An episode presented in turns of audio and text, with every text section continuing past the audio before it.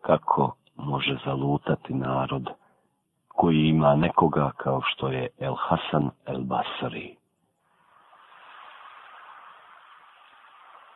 الله الله الله اكبر الله الله الله اكبر ovo je priča o Hasanu el Basriju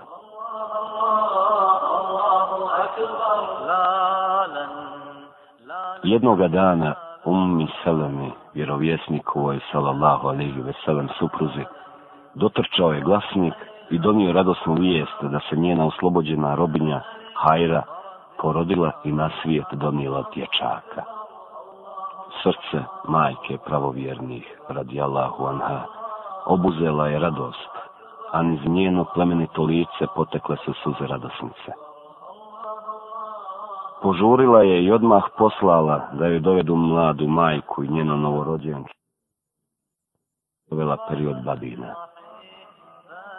Ummi Seleme je neobično mnogo cijenila i od srca voljela Hajru, tako da je s nestrpljenjem i čežnjom jedva čekala da vidi njena sina prvijenca. Nije prošlo dugo i Hajra je bila kod njih, držeći svoje novorođenče u naručiju.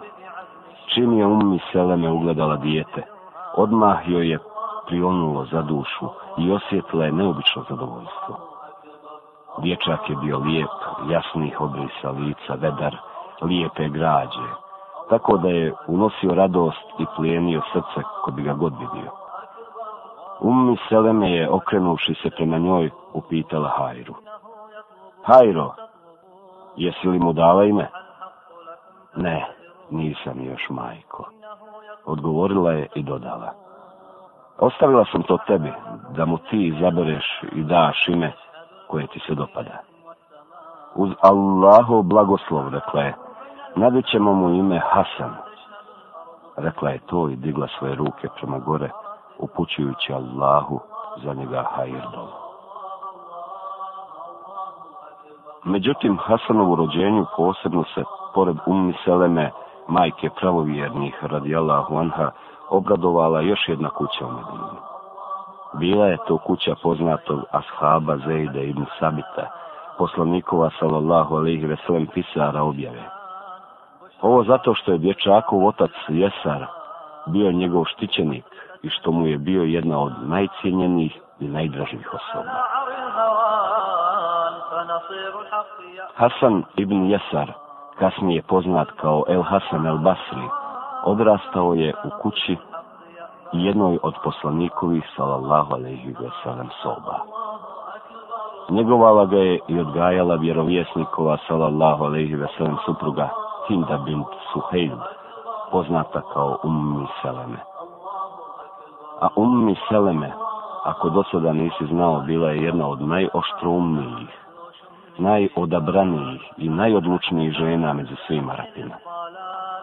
Također je bila jedna od najobrazovanijih supruga Allahova poslanika, salallahu alaihi veselem, i među prvima po broju hadisa koje je od njega prenijela, a njih je u hadijskim zbirkama zabilježeno 387. Pored navedenog, ona je bila jedna od rijetkih pismenih žena još u predislamskom periodu.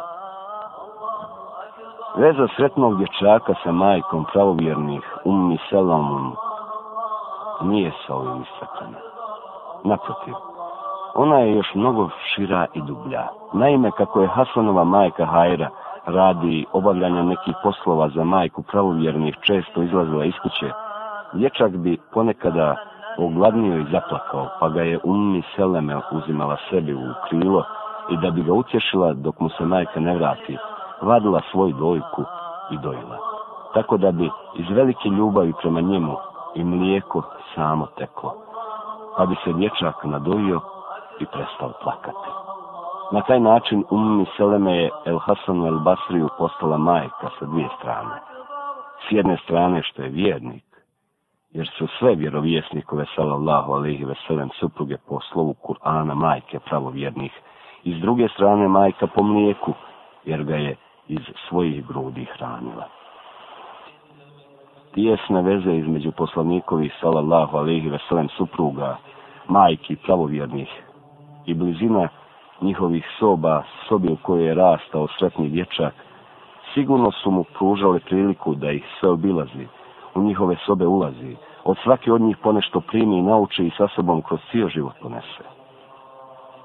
On je, kao što je sam o sebi rekao, po svim njihovim sobama kao dijete znao trčati, igrati se i u njih unositi živost i radost.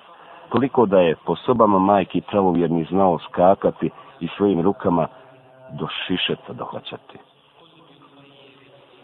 Tako je mali Hasan iz dana u danu nastavljao rasti u atmosferi koja je još uvijek zračila svježinom, mirisom i sjajom vjerovjesništva napajati se sa pitkih i bistrih izvora čiste vjere, koji su sobe majki pravovjerni bile prepune istovremeno u džami Allahova vjerovjesnika sallallahu alejhi ve sellem pohađati školu islama gdje su učitelji bili najugledniji i najpoznatiji ashabi poput Osmana ibn Affana, Alije ibn Ebu Talida, Ebu Musa el Ešarije, Abdullaha ibn Omera, Abdullaha ibn Abbasa, Enesa ibn Malika, Džabira ibn Abdullaha i još mnogo, mnogo drugih.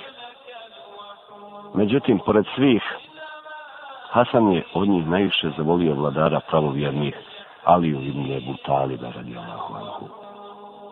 Dječaka je divila njegova čvrstina u vjeri, predanost i badetu, odricanje od ovoga svijeta i njegovih ukrasa i prosto ga očaravala njegova vještina govora čija je svaka riječ zračila dubokom mudrošću, jezgrovitošću, vrvila poukama i prebadao srce. Zato ne treba čuditi što se i on, ugledajući se na svoga učitelja, opasao takvom bogobojaznošću i pobožnošću i krenuo stazama popločanim dotada neviđenim bogatstvom riječitosti. Kada je Hasan napunio 14 ljeta života i iz dječaka stasao u čovjeka, zajedno sa svojim roditeljima preselio se i nastanio u Basri. Otuda je po Basri i dobio nadimak El Basri. I kroz historiju ostao poznat kao El Hasan El Basri.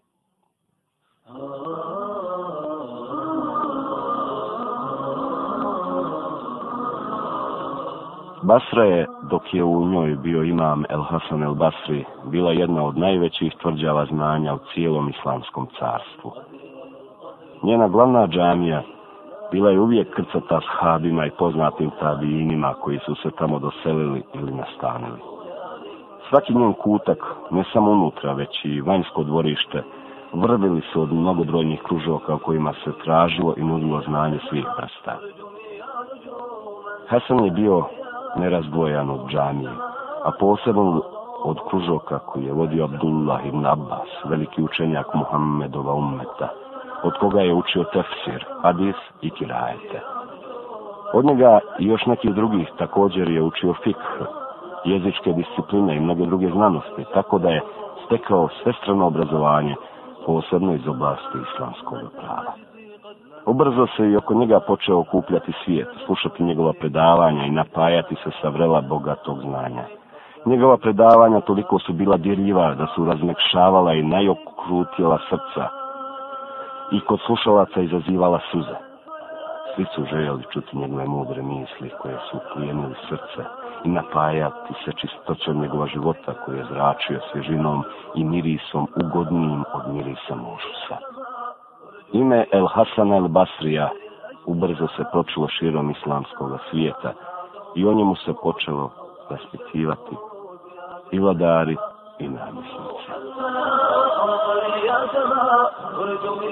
Od Halida ibn Safvana se pripovijeda da je rekao U Hiri sam se susreo sa Meslemom ibn Abdul Melikom pa me je upitao Halide, reci mi šta ima novo sa Hasanom El Basrijem? Mislim da ti o njemu sigurno znaš bolje nego drugi. Zapovjedniče, Allah ti dao svako dobro, odgovorio sam. Ja ga doista dobro poznajem jer sam u prvi komšija i redovno posjećujem njegova predavanja. Mislim da ga u Basri niko ne zna bolje od mene. Dobro, pričaj mi onda o njemu. Zamovio je, pa sam mu rekao. To je čovjek kod koga je isto ono što u sebi krije i što javno iznosi. I kod koga nema razlike na jeziku i na dijelu. Kada od drugih traži da se čini dobro, na dijelu prvo polazi od sebe. A kada traži da se ne čini ono što ne valja, prvi je koji to ostavlja. Ne ovisan je o drugim ljudima i ne priželjkuje ništa što oni imaju. A drugi se njemu obraćaju i od njega traže ono što on ima. Na to je mislim rekao. Halide, doista je s kim si sve rekao. Kako narod koji ima nekoga kao što je on, može zalutati. Kada je El Hadžadž ibn Jusuf Esekafi preuzeo vlast nad Irakom, osilio se i nad mnogima počeo činiti nasilje, El Hasan al Basri bio je jedan od rijetkih koji se suprostavio njegovoj tiraniji, javno među svijetom govorio o njegovim zlodjelima i lice mu rekao istinu i stao u njenu obranu. Tako se pripovjeda da je El Hadžadž u gradu Vasitu za sebe sagradio veliki dvorac i da je kada ga je završio pozvao svijet da ga vidi i svojom dovom blagoslovio. Hasan nije želio propustiti priliku da i on ne pođe i tamo se obrati okupljenoj masi svijeta pa i on pošao. Jedina namjera mu je bila da okupljenom svijetu uputi savjet da se čuva rasjetništva i protjeranog uživanja na ovom prolaznom svijetu i da ga podstakne da traži vječno uživanje kod uzvišenog Allaha na onome svijetu. Kada je tamo stigao i vidio kako okupljena masa svijeta obilazi oko dvorca, divi se veličini građevine, zapanjen njenom veličinom, širokim odajama i neviđenom ljepotom ukrasa, ustao je i između ostalog da svi čuju rekao. Vidjeli smo šta je najveći od svih zlotvora podigao. Vidjeli smo da je i faraon prije njega još čvršće i više građevine podizao, pa ga je Allah usmrtio i njegove kule i građevine sa zemljom sravnio. Kada bi samo Hadžadž znao koliko ga oni na nebu mrze i koliko ga ovi na zemlji varaju i u sebi lice mjerstva skrivaju. Slušajući ga kako u tom smislu nastavlja govoriti jedan od prisutnih bojeći se Hadžadžove osvete, prišao mu je i da drugi ne čuju rekao dosta je Ebu Sejde, dosta je. Pa mu je El Hasan odgovorio, Allah je od učenih uzeo obavezu da će istinu svijetu objašnjavati i da je ni od koga neće skrivati. Sutradan Hadžadž je sav od bijesa utrčao na svoj divan i na svoje sagovornike povikao. Teško vama, kakvi ste vi ljudi kada ste sebi dozvolili da se jedan rob iz Basre usudi ustati onama pred cijelim svijetom govoriti šta hoće, a da se niko među vama ne nađe da ustane i suprostavi mu se. Kukavice jedna, tako mi Allaha, uskoro ćete se napiti njegove krvi. Zatim je naredio da mu se donesu sablja i koža koja se stavlja ispod osuđenika na smrt osjecanjem glave, pa su donijeli. Potom je pozvao Đalata, pa i ovaj u trenu bio pred njima. Naredite straži da mu odmah prevedu El Hasana. Ubrzo je El Hasan bio pred njim. U iščekivanju šta će se desiti pogledi prisutnih uprli su njega, a srca prestala kucati. Kada je ugledao sablju, kožu i dželata, El Hasan je samo nešto prošaptao usnama, nama, onda se dostojanstveno ponosito iskušeno kako samo vjernik, musliman i pozivač u Allahu vjeru zna biti, mirno uputio prema hađađu. Ugledavši ga takvog hađađu je ulio toliko strahopoštovanje prema sebi da mu je samo rekao Buj, bujrum, bujrum, ne buj sejde, ukazujući i pravići mu mjesto da sjedne pored njega prisutni nisu mogli doći sebe od čuđenja kada se pomakao i pokazao mu da sjedne na minder pored njega. Kada pa je El Hasan sjeo i namjestio se, Hadžađ je se prema njemu okrenuo i počeo mu postavljati neka pitanja vezana za vjeru, a El Hasan mu smireno, sigurno, ubjedljivo i sa puno umjeća i riječitosti na svako od njih odgovarao, dok mu Hadžađ na kraju nije sam priznao. Ebu Sejde, takvog učenjaka kao što si ti nisam vidio. Zatim je zatražio da mu donesu najljepši miris. Namirisao mu bradu i sa najvećim poštovanjem ga ispratio. Kada je El Hasan od njega izašao, za njim je izašao Hadžadžov lični stražar koji je to sve gledao i upitao ga. Ebu Sejde, znaš li da te Hadžađ bio pozvao sa dugačijom namirom nego što je sa tobom postupio? Kada si ušao i ugledao sablju kožu i dželata, vidio sam da si nešto u sebi proučio. Hoćeš li mi reći šta si tada izgovorio? Na to mu je El Hasan rekao. Izgovorio sam. O, ti koji me u dobru blagodatima obasipaš i u nevolji od zla čuvaš učini da njegov bijes po mene bude blag i spasonosan, kao što si učinio da Ibrahimu vatra bude hladna i spasonosna. من أين تبدأ هذا البوح يا قلم بل كيف تصمت Brojni su primjeri ovakvih Hasanovih sučeljavanja sa namjesnicima i zapovjednicima. Ize svakog od njih izlazio je kao pobjednik, još veći u očima ljudi sa vlasti kod Allaha pribraniji, uvijek zaokriljen njegovom zaštitom. Kada je poslije smrti pobožnog i bogobojaznog halife Omera ibn Abdulaziza, hilafet prešao u ruke jezida ibn Abdulmelika i ovaj za svoga namjesnika za Irak postavio Omera ibn Hubeira el Fezariju, a domalo kasnije pod njegovom upravu stavio i Horasan, kada se jezid prema hodanicima malo pomalo počeo odnositi drugčije od svoga slavnog prethodnika, šaljući svojim namjesnicima među njima i Omeru ibn Hubeiru jednu po jednu pismo za sva zahtjevom da se povećaju iznosi za državnu blagajnu, ponekad i kršeći elementarna prava podanika Omer ibn Hubeire je pozvao dva najuglednija učenjaka islamskog prava u Iraku, El Hasan al Basrija i Amira ibn Shurahbija, poznatog još i pod imenom Ešabi, da bi se sa njima posavjetovao šta da se čini. Kada pa su kod njega došli, Omer im je rekao, Vladar pravovjernih jezid ibn Abdul Melik, kome je Allah povjerio brigu nad svojim robovima i ljudima, zapovjedio da mu budu pokorni. Kao što znate, prvo mi je povjerio upravu nad Irakom, a potom i Perzijom. Sada mi evo šalje pisma sa zahtjevom da povećam prihode koje šaljemo za državnu blagajnu. A ja nisam sasvim načisto da li je to pravedno. Zato vas molim da mi kažete šta vi mislite o tome. Ako postupim po njegovim uputstvima, je li mi to dovoljan izgovor pred Allahom za nepravdu koja će nekome možda biti nanosena?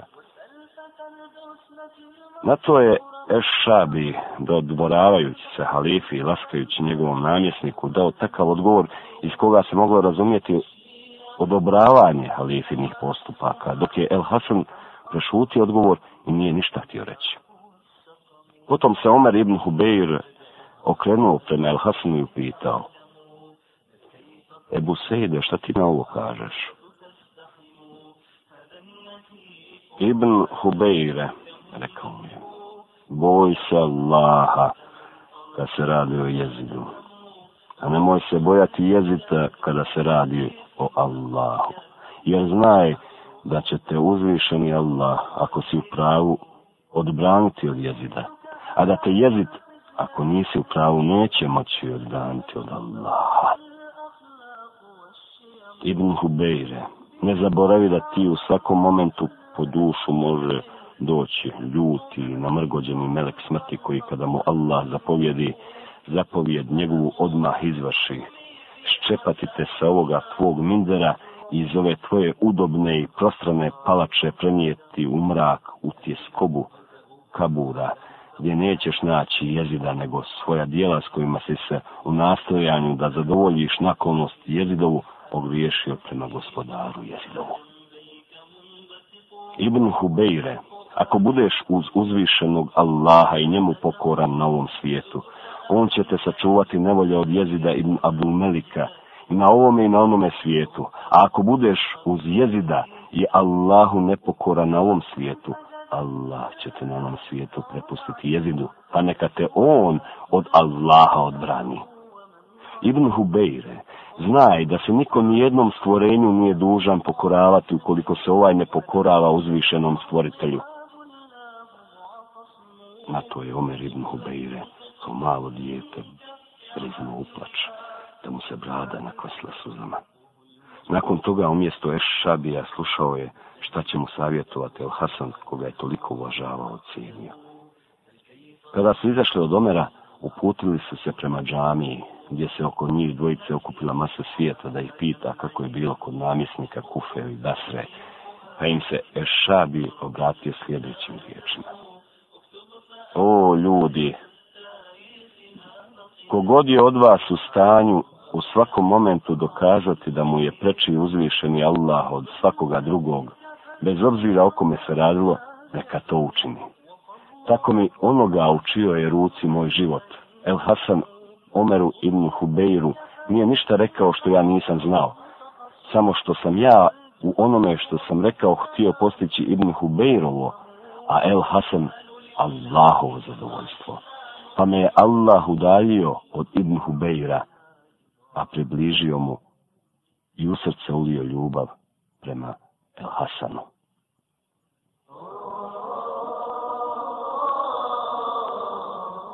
El Hasan El Basri živio je oko 80 godina.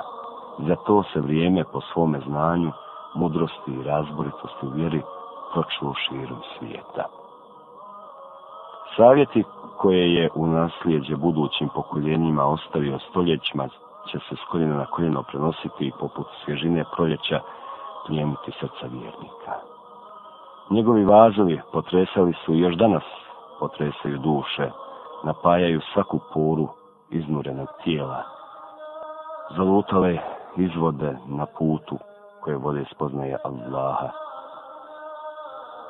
a nemarne bude iz sna nehaja i pod njihovim očima razotkrivaju prolaznost ovoga svijeta i ljudski sudbina na njemu. Tako je zamoljen da opiše ovaj i onaj svijet jednom prilikom rekao bi.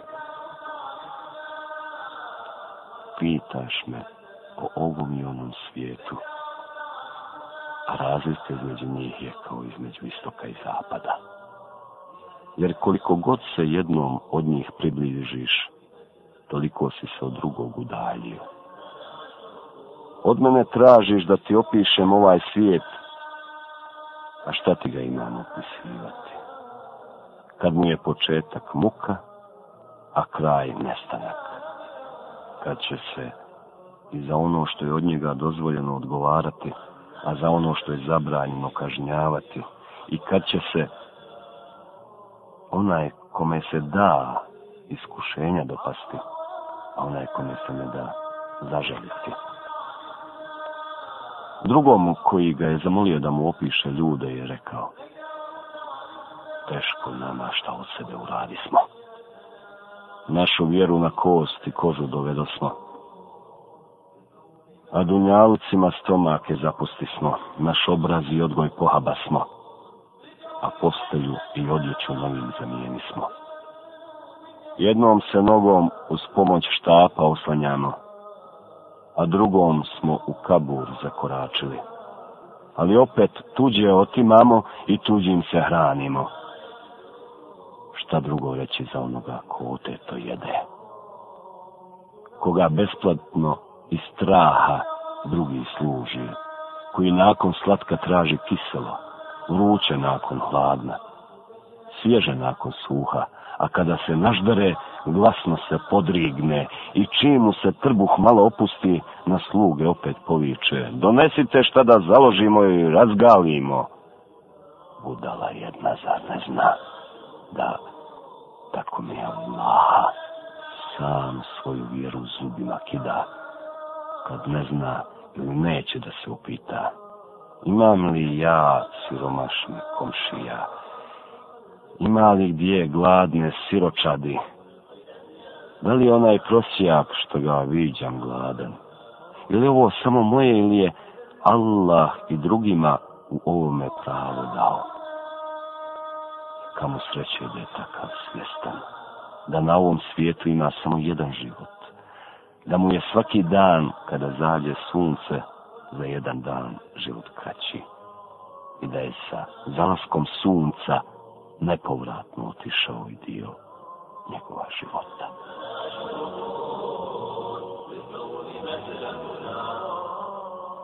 U oči prvog petka u mjesecu Ređepu, 110. godine po Hidžri, El Hasan El Basri se odazvao na poziv svoga gospodara, jer valjalo je kod njega preseliti.